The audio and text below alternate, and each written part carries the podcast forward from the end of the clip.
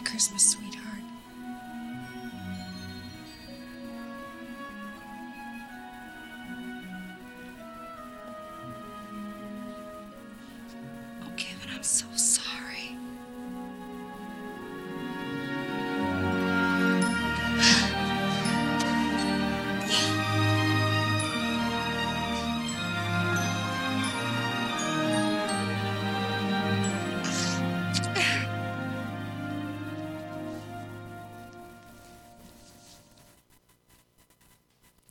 Ja, det klippet kjente kanskje dere noen igjen fra den første Home Alone-filmen. Lille Kevin, som utrolig nok, når familien skal reise på juleferie, så blir han glemt hjemme. Han blir alene hjemme. Og etter at han da har hatt litt av et eventyr for dere som har sett filmen, så kommer da mammaen først hjem, og de får møtes. Og hun føler seg jo som verdens verste mor. Hun er kjempeurolig for Kevin, og hun er kjempelei seg for at de glemte han hjemme. Og til slutt så møtes de i scenen som vi, vi så her. De kan begge puste ut letta, de kan kjenne varmen og oppleve vi hører sammen, vi er tilgitt, vi er elska. Iblant dere så er det sånn at vi føler oss som Kevin. Vi kan føle oss glemt, vi kan føle oss oversett, vi kan oppleve oss forbigått, vi kan oppleve oss alene. Og vi kan sukke sånn for oss sjøl at det er ingen som ser meg, det er ingen som ser hvordan jeg har det, det er ingen som forstår meg. Her sitter jeg alene med alle mine følelser, og ingen vet hvordan jeg har det. Alle de er bare opptatt av sitt eget, og her sitter jeg og gråter. Og Iblant så kan vi faktisk føle det sånn sjøl om vi er omgitt av andre mennesker. Og så er det andre ganger igjen at vi er så opptatt av oss sjøl og våre prosjekter at vi glemmer å se oss rundt og se om er det noen som trenger meg. Og Det kan være desember måneds utfordring til, til oss eh, alle sammen. At se deg rundt i din hverdag.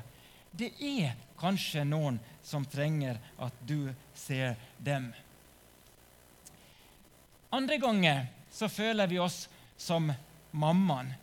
Vi føler at nå har vi rota det skikkelig til. Vi kanskje har vært så selvopptatte at vi har glemt både mennesket, vi har glemt Gud. Og så vet vi ikke, tør vi oss å nærme oss dem. Hva skal de si om oss, hva skal de mene, hva skal de tenke etter alt det som har skjedd? Trass i at mammaen her klarte å glemme Kevin, så ble hun mottatt med glede når de endelig møttes. Og vet du hva? Det er akkurat på samme måte med Gud. Om vi har glemt ham, eller om vi har oversett ham. Han tar imot oss med åpne armer, og han møter oss med en varm klem.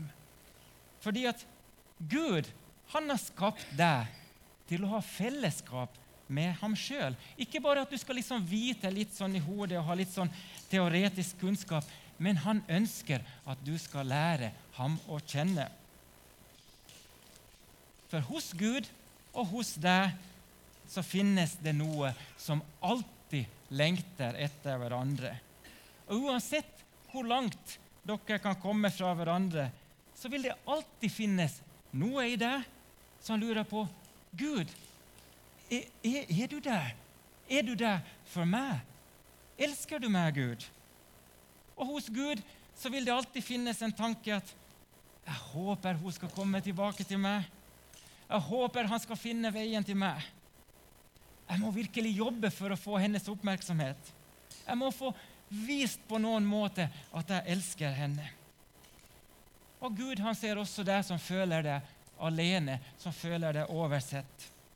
Også for deg så ønsker han å vise at han ser deg, og at han bryr seg om deg. For det er sånn at du og Gud hører sammen. Og Det er derfor som Jesus sier i, i Johannes 6, 37, Den som kommer til meg, skal jeg aldri støte bort. For det er sånn at du kan glemme Gud, men Gud glemmer aldri deg. Og Jesus sier også i Johannes' åpenbaring 3,20.: Se, jeg står for døren og banker. Om noen hører min røst og åpner døren, da vil jeg gå inn til ham og holde måltid med ham, og han med meg. Han står der og banker og vil ha kontakt med deg og meg. Han sier liksom 'Hallo, er du der? Hører du meg? Jeg har noe til deg. Får jeg komme inn?' Og I den kulturen dersom dette ble skrevet, så var det å dele et måltid det var beviset for å virkelig la noen komme inn i ens liv. Et tegn på invitasjon til fellesskap. Og Det er det som Jesus kaller deg og meg til. Og Når vi nå går inn i advent, så står Jesus der og banker på din og min dør og sier jeg er interessert i å dele livet med deg. Jeg har lyst til å være der som du er. Jeg har lyst til å, å henge med deg. Og så er det opp til meg, og så er det opp til deg om vi hører hans røst, om vi åpner opp døra for han. Om vi gjør det, så kan vi være trygge på at han ikke støter oss bort, men at han tar imot oss med en varm klem.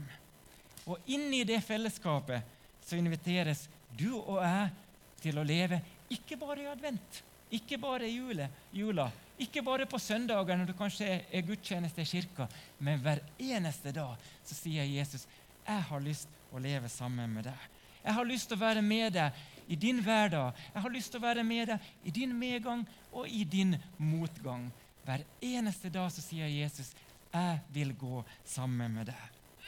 Så blir spørsmålet til deg og spørsmålet til meg hva har du tenkt å gjøre når Jesus banker på din dør? Skal vi be sammen?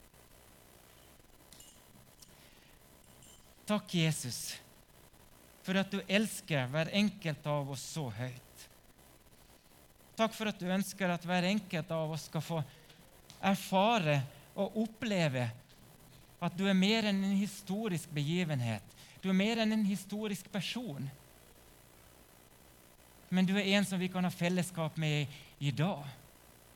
En som lever, og en som har noe å si til oss i det livet vi har i dag, i 2019. Jeg ber for hver enkelt som er her i dag, at alle skal få oppleve dette fellesskapet med deg. At alle skal få erfare at du er god, at du elsker, at du bryr deg om den som føler seg alene eller oversett jeg ber Gud om at din fred skal senke seg over hvert hjem som er representert her. Og at denne adventstiden skal få bli en tid av fred og en tid av en ny vandring sammen med deg. Jeg ber om det i Jesu Kristi navn. Amen.